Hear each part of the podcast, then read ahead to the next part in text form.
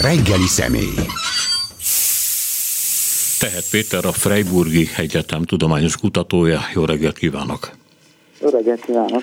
Telefonon beszélgetünk a olaszországi árvizekről, a következményekről, és hát föl fogom használni a lehetőséget, hogy az olasz politikai térről is beszélgessünk, tudván, hogy tette egy rövid látogatás Rómába, és erről egy hosszas bejegyzése van, amit engedelmével használni fogok a kérdésekhez. De kezdjük előbb az árvízzel. Emilia Románya a leginkább sújtott terület, és úgy tűnik, hogy itt az esőzések nem állnak le, eddig 14 halálos áldozatról van szó, legalábbis az angol száz híroldalak szerint, és hát folyamatosan telepítik ki az embereket az épületekből. Mi új tudható még erről? Pontosabban ennek a helyi médiában a lecsapódása milyen? Ugye a mai hír az, hogy most már kezd, kezd kicsit visszavonulni az ár, de hát ugye olyan nagyok voltak a kijöntések, hogy ez azért csak hetekbe fog telleni, ameddig valóban a helyzet normalizálódik. Ugye Giorgia Meloni is ellátogatott a, az árvíz sújtotta részbe, és ott beszélt a helyiekkel. Politikában a vita az főleg arról folyik, hogy hát ez az árvíz is egy bizonyítéka annak, hogy valóban változik a klíma, és Olaszországnak jobban meg kéne magát jeleníteni a klímapolitikában, hiszen ugye Meloni az EU-s szintéren inkább szeptikus számos klímapolitikai döntéssel szemben, vagy pedig ez az árvíz, hát egy szokásos árvíz, hiszen itt ezen a térségben azért számtalan előfordult ilyen itt eléggé extrém időjárás szokott lenni, vagy nagy szárazság, vagy pedig ilyen hasonló esőzések. Tehát a politikai vetülete az inkább a klímapolitikával, a felmelegedéssel és ezzel kapcsolatosan jelennek meg. Tehát, hogy például Olaszországban is ugye jelen van ez az utolsó generáció nevezetű klímapolitikai csoportosulás, amely pont tegnap ugye a Trévi útnál feketére festette a vizet, hogy tiltakozzon a, a szerintük lassú klímapolitikai változás ellen. Tehát Olaszországban is a vita arról folyik, hogy ezt az árvizet e, ilyen módon kell értelmezni, vagy pedig, ahogy a Meloni párt tartja, ez egy időjárási probléma, de nem kell ebből politikát csinálni. Ha jól értem, akkor az olasz közvélemény nem jutott dűlőre ebben. Nem, hát az olasz közvélemény megosztott, a politika is megosztott, hogyha majd a belpolitikáról beszélünk, akkor valószínűleg is megjelenik, tehát valóban ebben a kérdésben is van egyfajta megosztottság. Ugye Meloni az európai szintéren inkább általában azokat az intézkedéseket támogatja, amelyek nem akarnak egy radikális változást a klímapolitikában, ő ezt olasz gazdasági érdekekkel indokolja, és hát talán is szövetséges, hiszen mondjuk a német kormány közlekedési miniszteri, aki ugye liberális politikus, ő sem támogat túl sok klímapolitikai intézkedés, és hát e, e téren van Olaszországban vita. Az persze igaz, hogy Olaszországban nincsen egy erős zöld párt, tehát ezért annyira azért nem áthatott az olasz politika ezzel a kérdéssel, mint mondjuk a német, ahol azért mégiscsak van egy 15-20%-os zöld párt, az olaszoknál a zöld párt az egy kicsi párt, de azért a bal oldalon, vagy az öt csillagnál megjelennek ezek a zöld gondolatok. Egyébként a Meloni kormány megítélése az elég furcsán alakult. Az, hogy belpolitikailag hogy néz ez ki, ezt természetesen itt Magyarországon nem nagyon tudjuk megítélni, de a külpolitikában látszott, hogy amikor hatalomra került, akkor gyakorlatilag Nyugat-Európa jelentős kormányai riadtak meg attól, hogy hát gyakorlatilag egy fasiszta kormányzás következik, tekintve Meloni előéletét, meg a pártjának az előéletét, és akkor nagyon sokan lobbiztak is Rómában, hogy akkor árulják el a valódi törekvéseiket. Ezek a félelmek nem igazolódtak, legalábbis a külpolitikában. A belpolitika az más kérdés. Kezdjük ezzel akkor tehát, hogy mit tapasztalt, mit látott, mit gondolnak az olaszok, mit ír a olasz média arról, hogy belül, az országon belül mi a Meloni kormány törekvése, mi az, amiben belefogott. Hát igen, ugye szeptemberben nyerte meg Meloni a választásokat, és előtte tényleg Olaszországban is, hát főleg ugye a baloldali sajtó, meg nagyon erősen a nyugati sajtó is attól tartott, hogy Melónival először a második világháború után Olaszországban egy olyan politikus kerülhet hatalomra, aki hát ha legalábbis ma már nem fasiszta, de valóban egy fasiszta múltú, posztfasiszta pártból érkezik, tehát lehet azt mondani, hogy Meloni valóban az első olasz miniszterelnök, aki nem csak hogy nő, de ugye ilyen fasiszta múlttal rendelkezik, és ezért sokan attól tartottak, hogy itt valami muszolinista átrendeződés fordulat lesz, ennek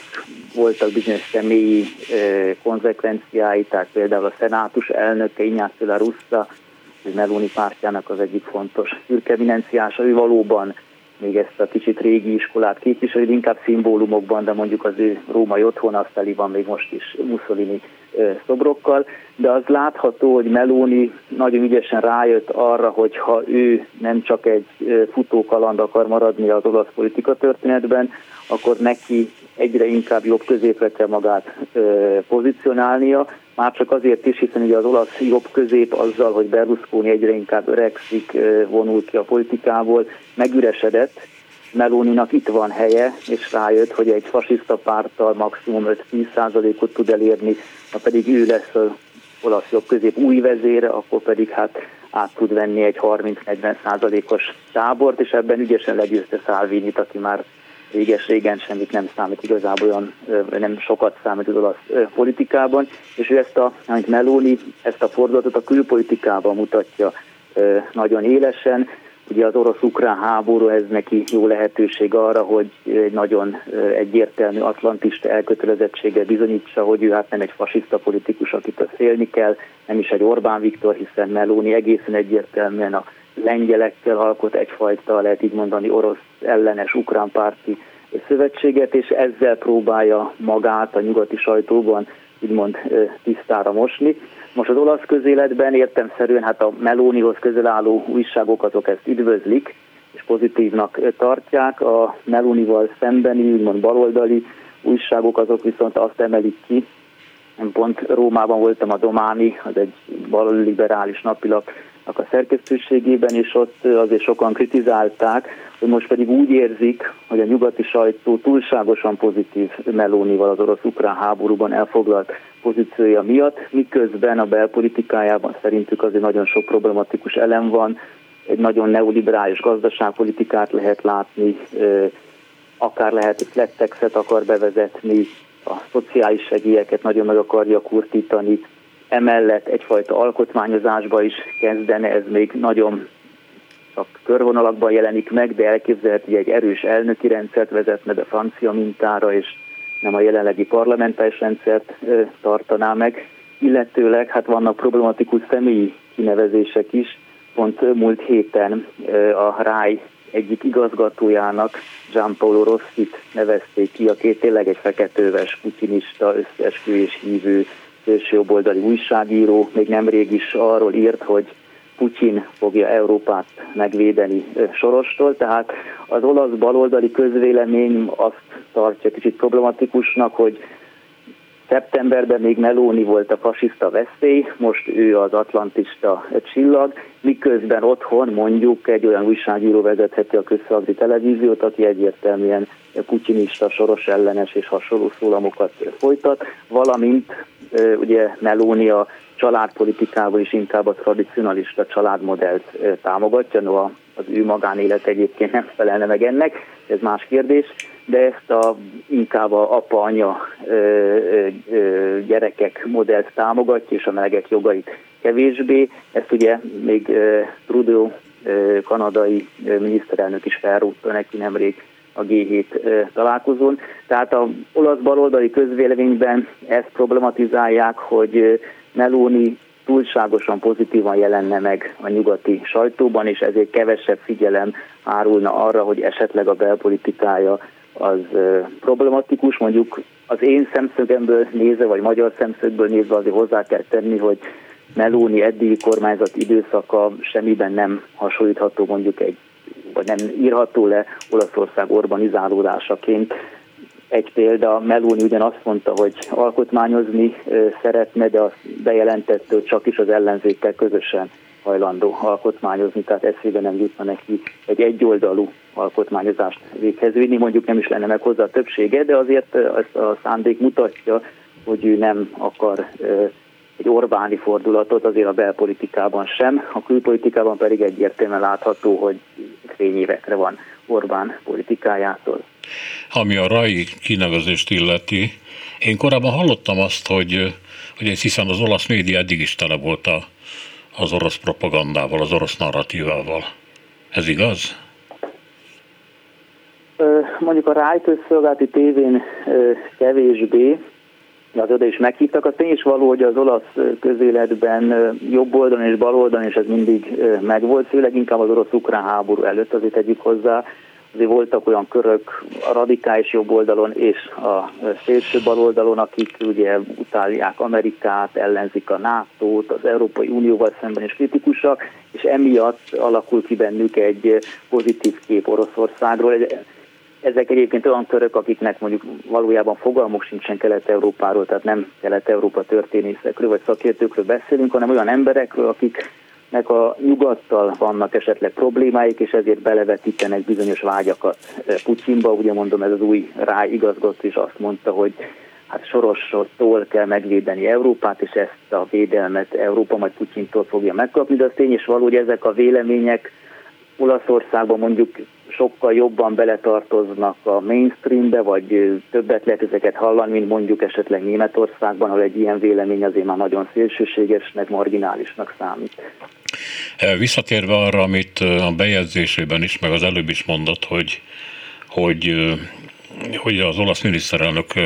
nagyon komoly és elszánt atlantistának mutatja magát, de ön különbséget tesz az atlantizmus meg az uniópártiság között. Tehát azt mondja, hogy ebből nem következik, hogy Meloni Európa párti lenne, tehát inkább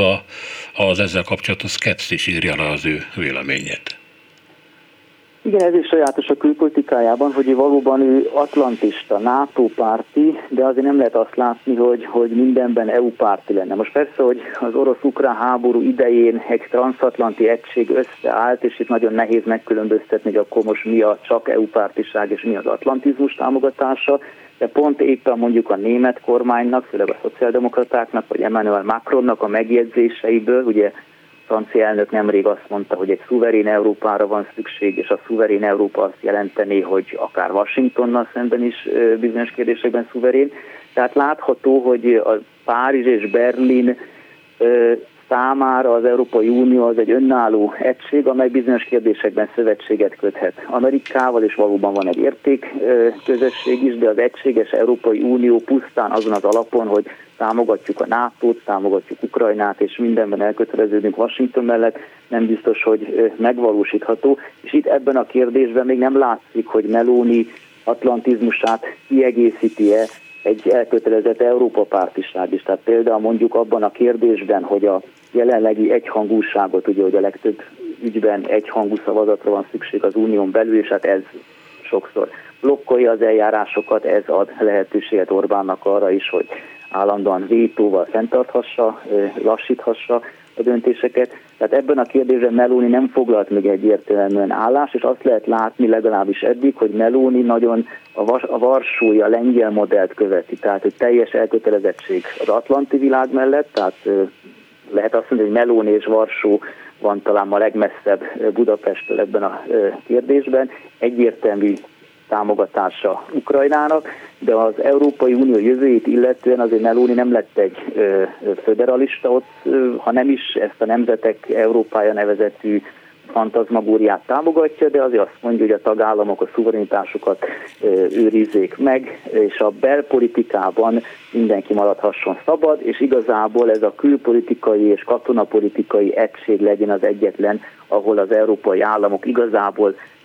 közelebb jönnek, de nem kell egy szociálisabb Európa, nem kell egy federálisabb Európa, nem kell egy gyorsabb Európa. De mondom, ebben is lehetnek változások, mert amikor nemrég Meloni Varsóban járt, és Mateusz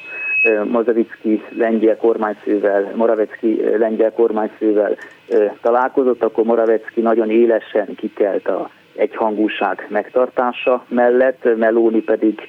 nem foglalt azért egyértelműen ebben állást, tehát elképzelhető, hogy Olaszország is végül hajlandó lesz támogatni ugye azokat a német terveket, hogy a többségi döntést vezessék be az egyhangúság mellett, de az látható, hogy a, eleve a Meloni párt, az Olaszország fivérei, az sohasem volt egy túlságosan EU-federalista, EU-párti erő, a változás az inkább az atlantizmusukban, az Amerikához való viszonyokban látható, és Melóninak mintha az lenne a stratégiája, hogy ő majdnem a legatlantistább politikus ma az európai kontinensen, mondjuk a lengyelek mellett, és ennek vagy ez em, em mögött ő tud szabad kezet nyerni a belpolitikában is, és nem kell annyira talán EU federalistának sem mutatkoznia. Melóninak az előélete, illetve a pártjának az előéletébe nem tartozott bele az orosz barátság, illetve akkor az oroszokat még szovjeteknek hívták, ugye, amikor igen. Amikor virágzott, teljes virágjában volt a olaszországi kommunista mozgalom. Ez ugye a 60-as, 70-es évek, utána jön a külön út, amit az olasz kommunista párt hirdetett meg, és hát akkor akkor különböztek össze Moszkvával igazából. De hát addig a moszkvai vonalat követték. Szóval ők mindig orosz ellenesek voltak, és mindig inkább Amerika pártiak? Igen, hogy ugye, csak nagyon röviden, hogy, hogy Melunit egyetem miért tartják fasisztának valóban az e- második világháború után, a muszolinisták nem tűntek el olyan élesen az olasz politikai életből, mint mondjuk Németországban, mondjuk a németeknél is megmaradtak, csak ott nem szerveződtek önálló párta, hanem létrejött az olasz szociális mozgalom, amely a muszolinista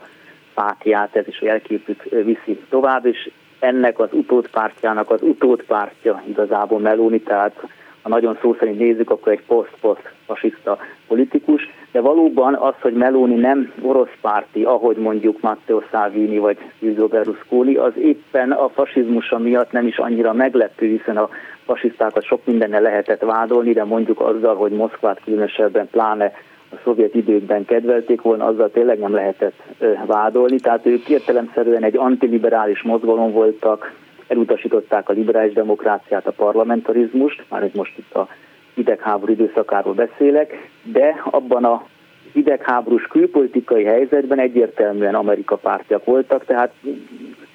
ez erős a párhuzam, de kicsit azt csinálták, mint amit Meloni most, hogy a belpolitikában nem voltak feltétlenül liberálisok és demokraták, de a külpolitikában egyértelműen Washington támogatták, pláne hogyha ott a republikánusok voltak hatalmon, Egyrészt, mert az ideológiájukból következett, hogy elutasították a szovjet kommunizmust, másrészt Olaszországban is, ahogy ön mondta, tartottak attól, hogy ugye a Nyugat-Európa legerősebb kommunista pártja még erősebb lehet. Még olyan tervek is voltak a 60-as, 70-es években, hogy esetleg a CIA segítségével Olaszországban egy ilyen dél-amerikai fordulatot, katonai diktatúrát hasonlót lehetne bevezetni, és ezeket a terveket éppen, hogy a muszlimista mozgalomhoz közel álló katonák, politikusok támogatták, ez aztán lekerült a napirendről, de épp ezért Melóninál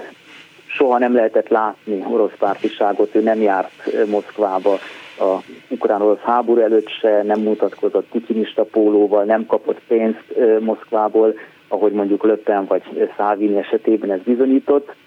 hiszen Szálvini, ő egyébként, ha az ő eredetét nézzük, ő fiatalon a kommunista párt ifjúsági szövetségében politizál, de mondjuk az orosz pártisága talán nem ebből fakad, hanem ő egy ilyen tényleg posztmodern szélső jobboldali politikus, aki mint Löppen, mint Orbán, stb. Oroszországban valamiféle konzervatív, nem tudom én milyen világ védelmezőjét látja. Ezzel szemben a Olaszország fivérei, tehát a Meloni párt, éppen a jobboldaliságuk miatt, és abban tényleg ők komolyan véve jobboldaliak, tehát nem pár éve lettek csak azok, azért mindig kritikusak voltak Oroszországgal szemben, nem csak a szovjet Oroszországgal, hanem a utána lévővel szemben is, és mindig elkötelezettek voltak ilyen értelemben Amerika iránt. Nem azért, mert feltétlenül a progresszív liberális értékeket vagy a melegek jogait képviselnék, hanem inkább ez a hagyományos, a nyugati világ tartson össze az orosz veszedelemmel szemben. Ebből fakad az, hogy engem annyira nem lepett meg az, hogy Meloni atlantista volt, szerintem valóban, amikor tőle nagyon félt a nyugati sajtó még a tavalyi választások előtt, az túlzás volt, hogy az is túlzás volt, amikor azt állították, hogy majd Orbán nyer Melónival egy szövetséges, hiszen abban is látható, hogy Meloni azért nagyon élesen eltávolodott Orbántól, igazából az olyan közel, mint Szálvini nem is állt hozzá, és Meloni inkább a lengyel vonalat követi. Tehát nagyon sok hasonlóság van a lengyel kormánypárt. Ugye a lengyel kormánypárt is hát belpolitikában elég problematikus, mondjuk túlzott liberalizmussal és progresszivizmussal nem lehet őket vádolni, de azért az tény is való, hogy Kaczynszkék valóban eszmei, ideológiai alapon is szemben állnak a kommunizmussal, az oroszok jelentette imperialista veszélyel, és ezért Amerikát támogatják. Tehát nagyon nagy a hasonlóság a lengyel kormánypárttal, és sok tekintetben ugye a cseh kormánypárttal, a polgári demokratákkal. De ugye az ő kormányában ott van Salvini, aki hát mondható, hogy legalábbis eddig sokszor Putyin pártinak bizonyult, de lehet, hogy csak zseppártinak, mert ugye kapott pénzeket a Kremtől, és ott van Berlusconi, aki barátjának nevezte Putyint, és hát ez, ez nem változtatott a véleményén a ukrajnai invázió. Tehát hogy tudta ezt a két embert meggyőzni arról, hogy a kormány politikája az más lesz? Mondjuk Berlusconi ugye már kórházban fekszik, és hát elég rossz állapotban van. Berlusconi most nemrég jött ki amúgy a kórházból, de valóban neki ugye leukémiája van, tehát valóban nincs annyira jó állapotban, bár most is megígérte, hogy ő 120 évig fog élni, de ezt mindig megígéri. Egyes politikusai szerint soha nem is fog meghalni, tehát a világ végéig velünk lesz.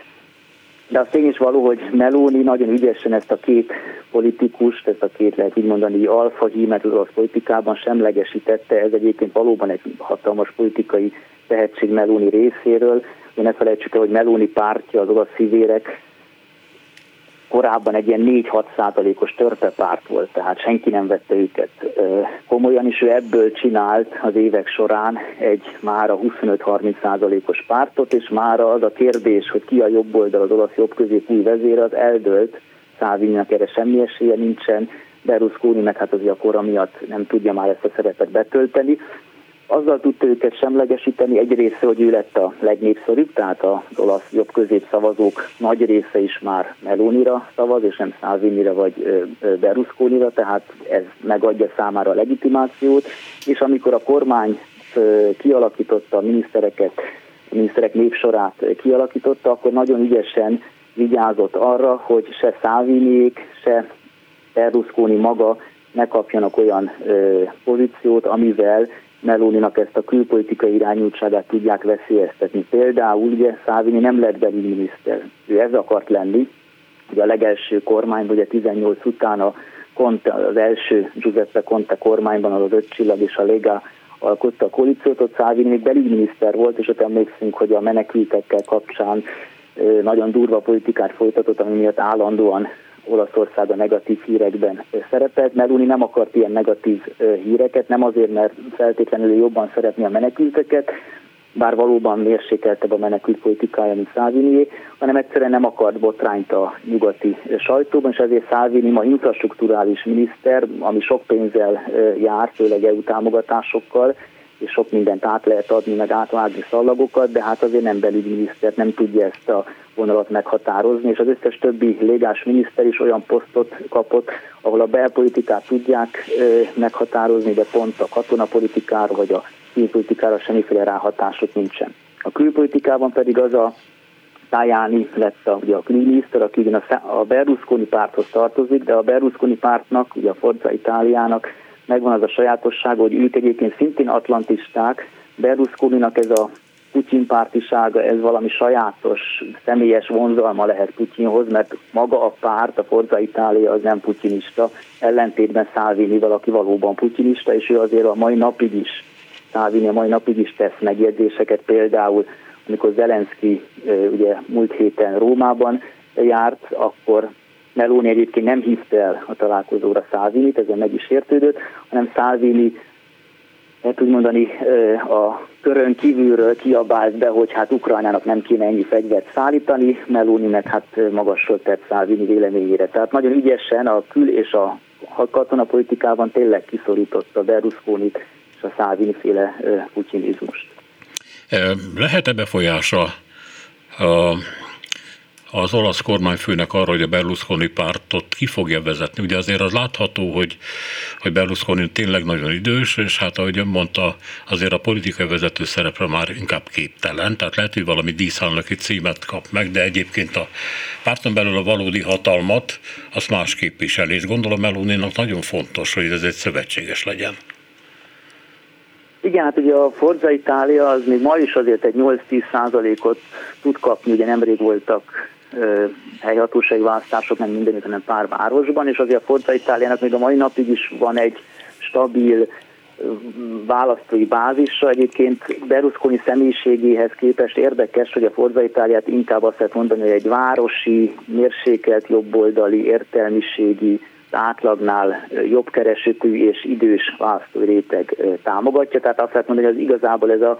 tipikus olasz városi jobb-közép polgárság, annak a pártja Forza Italia. Most természetes, hogy Meloni erre a rétegre igényt tartana, hiszen hogyha ő akar lenni az egész jobb-közép vezetője, akkor éppen, hogy szüksége van erre a Berlusconi táborra. Az tény is való, hogy a Forza Itálián belül nagyon más politikus, aki át tudná venni Berlusconi helyét, nincsen, hiszen Tajani a külpolitikában egy elismert politikus, de azért nem egy karizmatikus személyiség, rajta kívül pedig aztán majdnem tényleg senki nincsen, aki a Forza Itáliát tudna Berlusconi után irányítani, ezért valóban elindult ö, több párt is megpróbál rástartolni erre a Berlusconista szavazói rétegre. Egyrészt ott van Meloni, aki azt mondja, hogy most már én vagyok a jobb közép politikus, én vagyok a jobb közép vezére, szavazatok rám, és ez sikeres is. Nem véletlen, hogy Meloni, aki korábban inkább Dél-Olaszországban volt erősebb, és pont a polgárosodottabb Észak-Olaszországban még az átlagnál is gyengébb volt, most már Észak-Olaszországban is a legerősebb jobboldali párt. Tehát erősebb, mint Salvini, ugye pedig Salvini pártja az korábban Északi Liga néven pont, hogy az északi érdekeket akarta képviselni, de most már Észak-Olaszországban is mindenit gyakorlatilag a Meloni párt a legerősebb jobboldali párt, és Berlusconi örökségére pályázna Matteo Renzi is, ugye egy korábbi szociáldemokrata kormányfő, aki mert sok párton át vándorolt, és most van egy saját kis pártja, az Italia Viva, amely egy liberális pártnak tartja magát, de Renzi nagyon sajátos módon, noha ellenzékben ül, nagyon pozitívan nyilatkozik mindig Melóniról, az egész kormányról, és látható, hogy Rencinek is az lenne a célja, hogy mintha ő akarna lenni az új Forza Itália. De valóban a, ez a 8-10 százalékos berlusconista városi jókeresetű idős választói réteg, ez, ez, ez egy idő után úgymond nyílt préda lesz sok párt számára, hiszen értelemszerűen hiába tartanak ki Berlusconi mellett, valóban az ő vezetői tehetsége és karizmája azért egyre inkább csökken. Azt is írja ön, hogy tulajdonképpen Meloni sikerének a titka Európában, tehát most kívülről nézve, azt, hogy átállt az amerikai vonalra, hasonlóan a lengyelekhez, vagy mondjuk a románokhoz, tehát elfogadták azt, hogy, hogy Amerikának vezető szerepe van, legalábbis a háborút illetően, vagy Ukrajna háborús támogatását illetően. Ez, ez, ezért cserébe viszont belpolitikailag szabad kezet kapott. Ez kicsit keményen hangzik, mert ugye azért ezek az országok, Olaszország vagy Lengyelország belpolitikáját biztosan nem kívülről irányítják. Tehát gondolom arra célzott, hogy a, mm, az ő fasisztaságát érő kritikák csitultak el a médiában. De hát ez se Amerika vezényelte, gondolom. Hogy mit írjon a La Repubblica, vagy éppen a, az UNITA. Igen, hát uh, itt inkább arra utaltam, amit mondtam, hogy az olasz baloldali közvéleményben van ez a kicsit, uh, hát nem kiábrándultság, de felháborodottság amiatt, hogy Melónit atlantistaként ünnepli a nyugat, ami szerintem egyébként pozitív, hiszen uh, az, hogy ő egyáltalán nem az Orbáni vonalat képviseli, az szerintem egy pozitív változás Meloni kapcsán, hanem annyira meglepő, miközben a belpolitikájára kevesebb ö, figyelem hárul. Itt nem arra gondolnak, hogy valamiféle összeesküvés elmélet lenne, és gomnyomásra irányítaná valaki valahonnan a nyugati sajtót, hanem hogy érdekek jelennek meg, és hát értelmszerűen most Meloni egy egyértelmű szövetséges az atlantizmusban, tehát akkor beszéljünk kevesebbet a belpolitikai lépéseiről, és a fasiszta jelzőt eleve hagyjuk el. Ez mondom, ez az olasz baloldalnak a narratívája Meloni kapcsán. Én ebben annyiban nem értek egyet, hogy szerintem Melonit már szeptemberben is felesleges volt fasisztázni, mert nem egy, inkább egy tényleg egy posztfasiszta politikus volt, de az tény is való, hogy a belpolitikában azért vannak problematikus lépése, és ezekről jóval kevesebbet ír a nyugati sajtó nem azért, mert egy helyről irányítanák a nyugati sajtót, hanem vélhetően azért, mert Melóniba és a lengyelekben is azt látják, hogy most kevésbé kell őket támadni, hiszen szövetségesek, ami egy stratégiailag helyes döntés, de az olasz baloldal úgy érzi, hogy Meloni túl, most túlságosan pozitívan láttatja a nyugati sajtó, és emiatt bizonyos lépései, mondom a ráélén egy putinista kinevezésre, a, belpolitika, a gazdasági politikájában a neoliberális fordulat, az alkotmányozási tervei, hogy ezekre kevesebb figyelem hárul, de hát értemszerűen ez egy baloldali narratíva inkább Olaszországban, és azt is hozzá kell tenni, hogy Meloni egyértelműen atlantista, miközben az olasz baloldalról ez nem mondható el, ott azért vannak kifejezetten az atlantizmussal szembeni kritikus hangok is, tehát az érthető, hogyha mondjuk atlantista politikusok Nyugat-Európában Melónit tartják inkább szövetségesüknek, mint azt a baloldalt, ahol mondjuk az öt csillag kifejezetten orosz és Kína párti. Hogy mondjam, a, a belpolitika megbocsátása ebben az esetben mondjuk a lengyeleknél nem stimmel. Mert a lengyelek ugye nagyon keményen és nagyon pozitívan kiálltak Ukrajna mellett, ez óriási pozitív visszhangot galvanizált a európai médiában, és akkor sokan, a lengyel vezetők is azt mondták, hogy oké, okay, akkor most könnyebben jutunk hozzá a pénzekhez, mert Európa megbocsátott nekünk szemben a hülye magyarokkal, akik még mindig putyinisták, nem is kapnak egy fillért se. De azért a lengyeleknek jutatott pénzekkel is továbbra is vannak fenntartások. Tehát mintha ez nem tudom, hogy Amerikában hogy van, de mintha Brüsszelben nem egészen lenne így, már úgy értem a belpolitika megbocsátása. Is, hogy a lengyelek kapcsán van egy nagyobb szigor, ez véletlenül a német-francia tengelyre vezethető vissza, hiszen pont Németország és Franciaország próbálja hangsúlyozni, hogy Európa önálló egységként is maradjon meg, és ezért a lengyelekkel szemben élesebben lépnek fel, és ott azért mondjuk azért valóban a belpolitika is jóval-jóval problematikusabb, mint az olaszoknál, akár csak, hogy a közszolgálati médiát összehasonlítjuk, hiszen lehet, hogy az olaszoknál most valóban egy putinista lesz a közszolgálati média egyik igazgatója, de azért az olasz közszolgálati média ha valóban érezhetően kicsit elment jobb oldalra belpolitikai kérdésekben, de azért egy objektíven tájékoztató média legalábbis eddig, miközben a lengyel közmédia az a magyar szinten folytat propagandát, csak mondjuk nem orosz párti propagandát, hanem más, mondjuk például német ellenes propagandát, tehát valóban összebb azért figyelnek Lengyelországra, de az tény is való, hogy ugye jobban van a fókuszban Magyarország, amely nem csak az Unióval áll konfliktusban, de közben még teljes mértékben ki is táncol az Atlanti világból, miközben Lengyelország vagy Olaszország kapcsán ez az olasz, ez a baloldali értelmezés, legalábbis a percepció az, hogy ők közelebb állnak hozzánk, és emiatt a belpolitikai lépéseket kevésbé kritizálják. Az más kérdés, hogy az olasz baloldal sokszor olyan kritikát is elvárna, amelyben valóban nehéz beleszólni, például mondjuk a melegjogok kapcsán, ez igazából tényleg, hogy a, egy családot, egy ország hogyan határoz meg, ez, ez tagállami hatáskör, ebbe Brüsszel nem tud olyan nagyon beleszólni. Ráadásul ugye Melonit azzal szokták vádolni, hogy ő, ő homofób, és tény is valahogy voltak ilyen kijelentései, és a, politi- a kormány politikája is a tradicionális családpolitikát követi, de azért az előző kormányok, amikor a baloldal ott volt, szintén nem sokat tettek a meleg jogok érdekében. Maga a demokrata párt, tehát a bal közép vezető ereje is leszavazta például mondjuk a transzfóbiának a bünteti jogi tényállásra tételét, tehát értemszerűen az olasz baloldalon van egyfajta frusztráció amiatt, hogy Melónit szerintük túl pozitívan ábrázolja a nyugati sajtó, és egy belpolitikai frusztráció is, hogy nekik a belpolitikában sem sikerül legyőzni Melónit, hiszen Meloni ma is a legnépszerűbb politikus, és a kormányát az olaszok többsége azért pozitívan ítéli meg, és a különböző helyhatósági régiós választások is azt mutatták, hogy Meloni népszerűsége nem csökken. Ami a külpolitikai szcénát illeti, ön azt írja, hogy gyakorlatilag folyik valami közeledés a néppárt illetve Meloniék között, és akkor feltételezhető, hogy oda fognak belépni? Ugye Melóninak van most egy saját pártcsaládja, ugye ez a konzervatívok és reformerek nevű pártcsalád, amely a néppártól kicsit jobbra áll, de éppen, hogy azt lehet mondani, a legorosz ellenesebb és a legatlantistább pártcsalád. Ugye ebben ül Kaczynski, vagy ebben ül bent Petr Fiala, cseh miniszterelnök, polgári demokrata pártja is vagy a szlovákoktól a Szabadság és Szolidaritás nevű liberális párt, tehát ez a pártcsalád, ez egy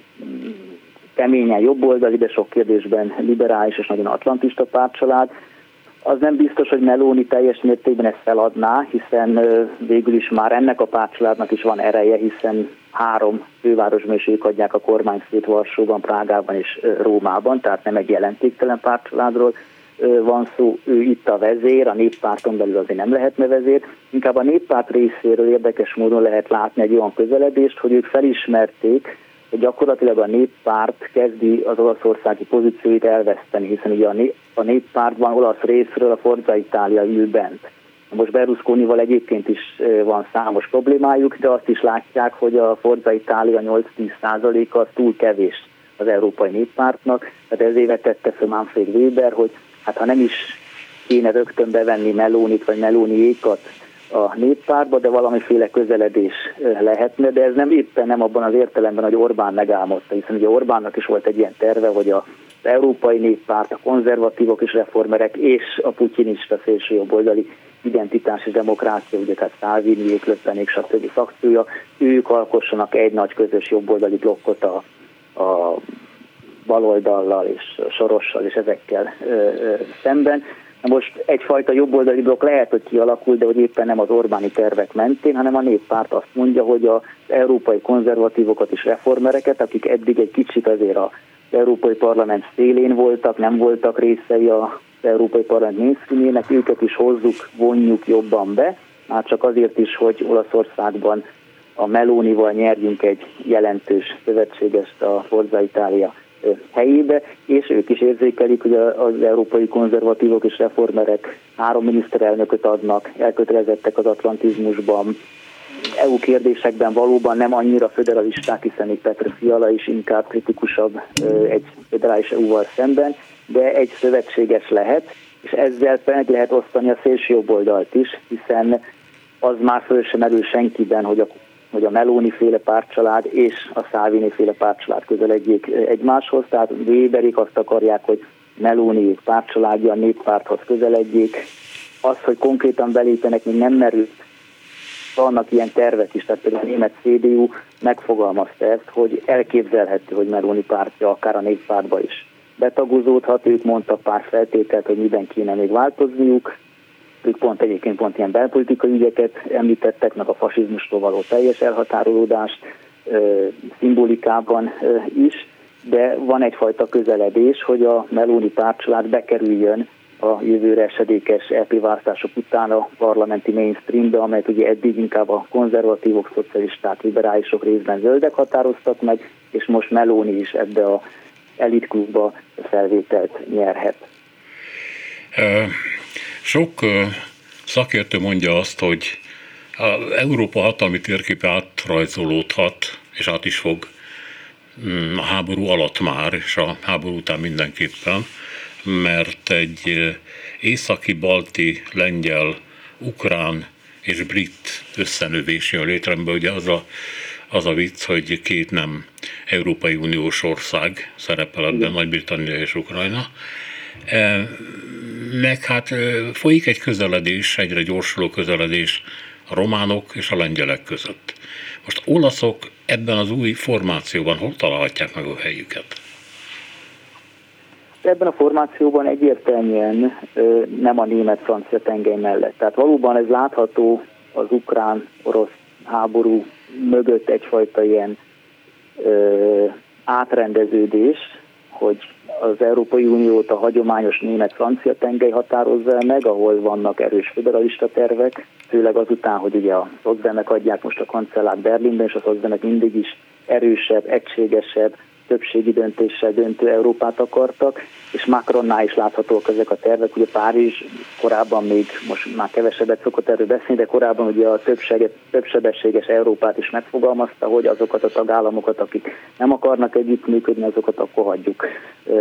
kiszállni, vagy legalábbis hátrébb lépni. Tehát miközben a német-francia tengely az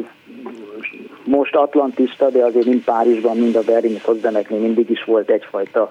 fenntartás, kritika a túlzott amerikai szövetséggel szemben, aközben valóban formálódik, ön is mondja, egy a baltiak, a lengyelek, románok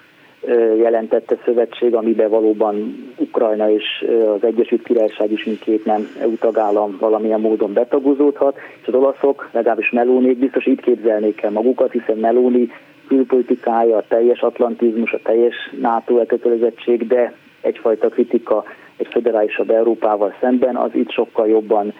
megtalálja a helyét, és Melón is úgy érzi, hogy azért mind Berlinben, mind Párizsban még mindig vannak vele szemben egyfajta fenntartások. Nemrég ugye a, egy francia miniszter szólt be élesen a Meloni kormánynak Berlinben mégiscsak a szocdemek azért távol állnak Melonitól, ekközben meg azt érzi, hogy Washingtonban sokkal pozitívan tekintenek rá, ezért inkább ezt az atlantista tengelyt hangsúlyozná Európában, és nem azt, hogy egy olyan Európai Unióra van szükség, amely persze atlantista és bizonyos kérdésekben, de amellett akár szociálisabb, federálisabb, egységesebb, és talán még élesebben is lép fel a, a problematikus tagállamokkal szemben, mint mondjuk Lengyelország. Amerika. Azért Meloninak ugye ön is mondta, számolnia kell a, az olasz nemzet egy részének kemény és évtizedek óta áthúzódó Amerika ellenességével. Másrészt is azért valamilyen módon szuverenista ebből a szempontból, tehát nem gondolnám, hogy hogy így egyszerűen Washington szekértolója akar lenni. De igazából mi az, amit Amerika elvár tőlük? A lengyelektől, a románoktól, a baltiaktól, vagy Rómától? Hát a teljes elkötött ez az atlantista vonalat, amelyben ugye a, ugye a német szociáldemokratákat mindig kritizálták azért, hogy ők kicsit orosz pártiak, és ez tény is való, mondjuk a CDU Merkel alatt volt ez, amely teljesen kiszolgáltatta Németországot az orosz érdekeknek, de valóban ugye a német szociáldemokratáknál és a francia külpolitikában meg gyakorlatilag minden oldalon mindig jelen volt egyfajta fenntartás az angol száz világgal szemben, és ebből következett például a német szociáldemokraták volt egyfajta szimpátia és bizonyos körökben náluk Oroszországgal szemben. Na most az orosz-ukrán háború ezt valóban átrendezte, és ez egy pozitív fordulat az Európai Unióban, hogy itt nem történt törés, hanem azt lehet látni, hogy Magyarország kivételével az összes EU tagállam és Magyarország és Törökország kivételével az összes NATO tagállam is egyfajta egységbe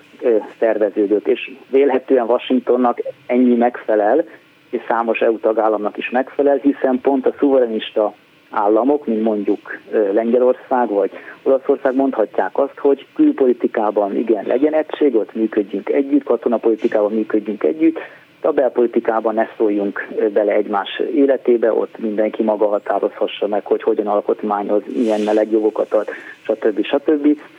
És vélhetően értem Washingtonból nézve sem az a legfontosabb, hogy most a lengyel és a olasz külpolitika hogy néz ki, hanem hogy a fő belpolitika hogy néz ki, hanem hogy a fő külpolitikai kérdésekben legyen egyetértés, miközben Berlin és Párizs az EU-t is egységesebbé, gyorsabbá, hatékonyabbá tenni. Ez nem az USA-val szemben irányul, tehát nem azért tennék hatékonyabbá, hogy az USA-tól teljesen leszakadjanak, hanem egyszerűen az USA-t értelemszerűen miért érdekelje, hogy az EU mennyire tud gyorsan belül dönteni és egy, egyes tagállamokat akár megbüntetni, Olaszországnak inkább ez az érdeke, hogy ez a vonal erősödjön, közös külpolitika, de a belpolitika az mindenki számára szabad terület, míg a németek és a franciák, értem a német szociáldemokraták és a franciák, ők egy gyorsabb, federálisabb Európát akarnak, amivel szemben Melón is kritikus, tehát mondjuk, hogyha fölmerül a, a az Európai Unióban a szociális kérdés, akár közös minimálbér, stb. azokat is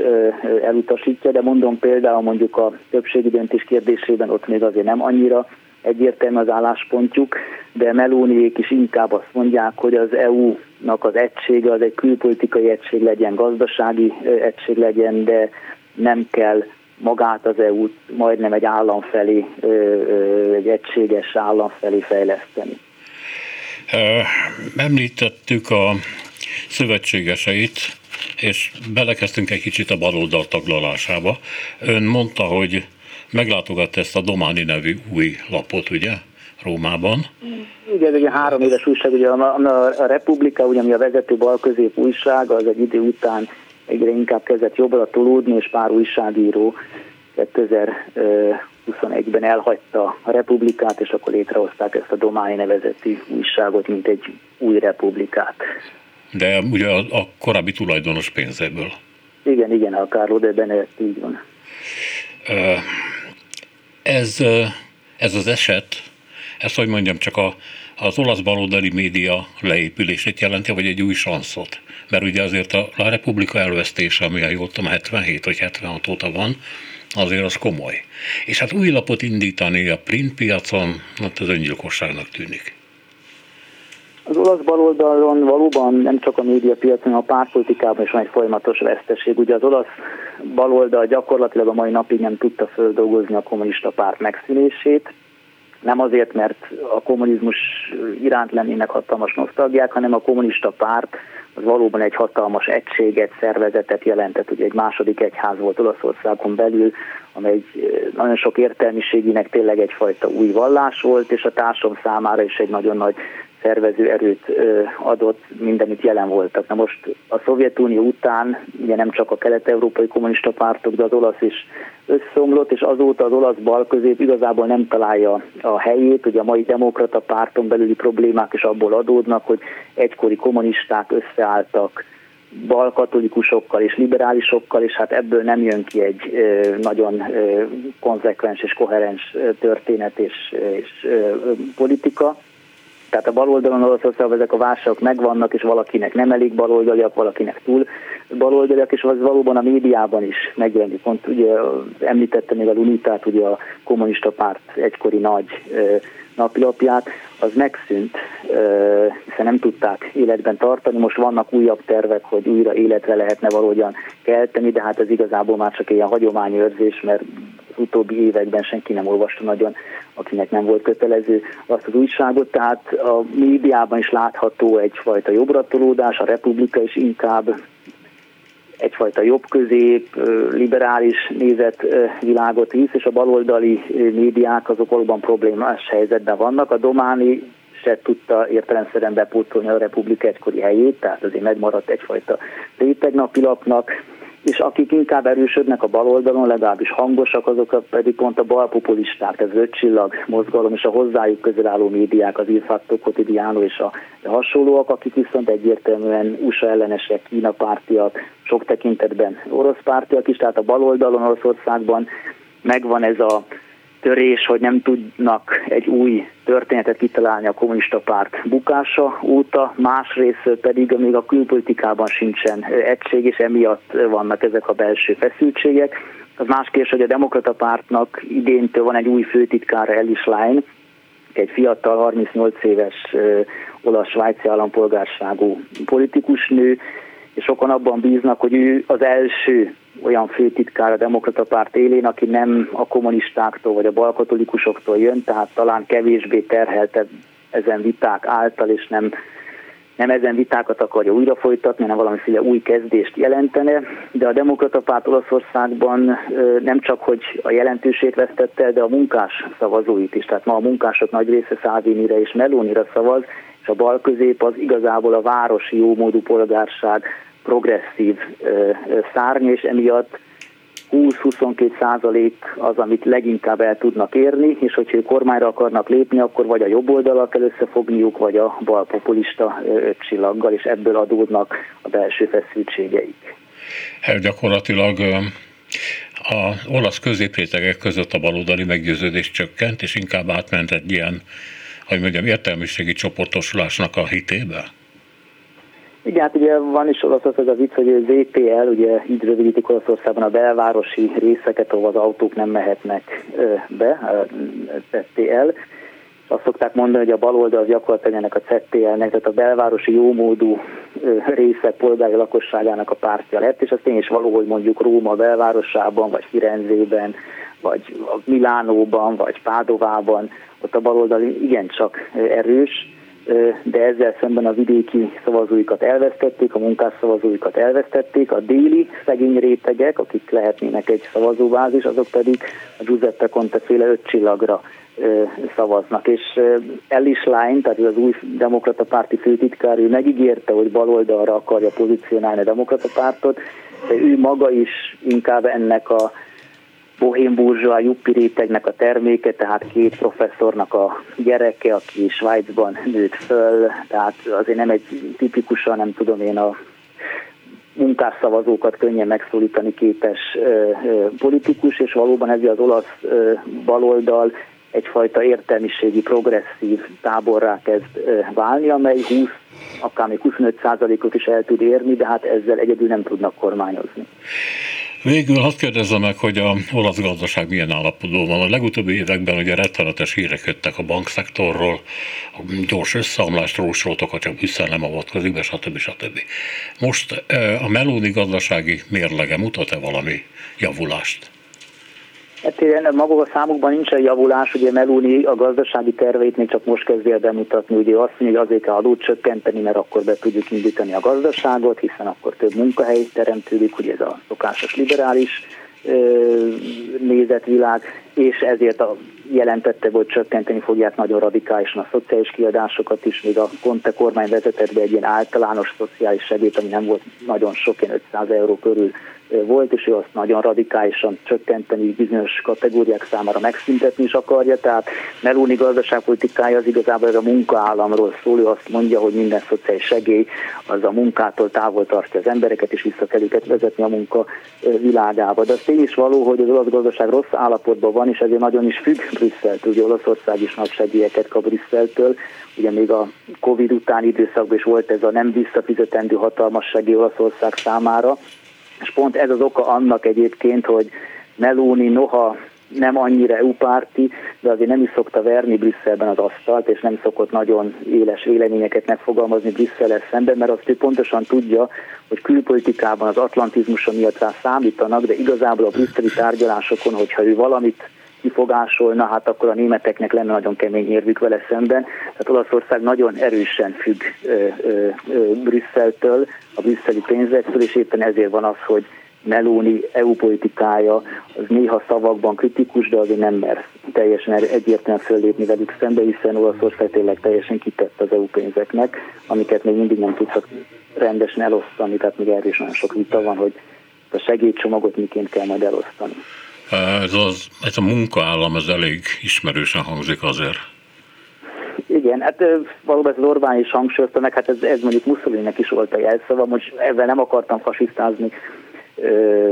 Melónit, meg hát ez, ez igazából ez egy neoliberális gondolat, hogy az embereket minden módon a munkavilágába kell betolni, akár alacsony fizetésekben is, de hogy jobb, ha dolgoznak, az állam ne adjon nekik segélyt. Tehát Meloni gazdaságpolitikája egyértelműen neoliberális, a társamképe is kicsi állam kell, és a gazdasági szektort kell adócsökkentésekkel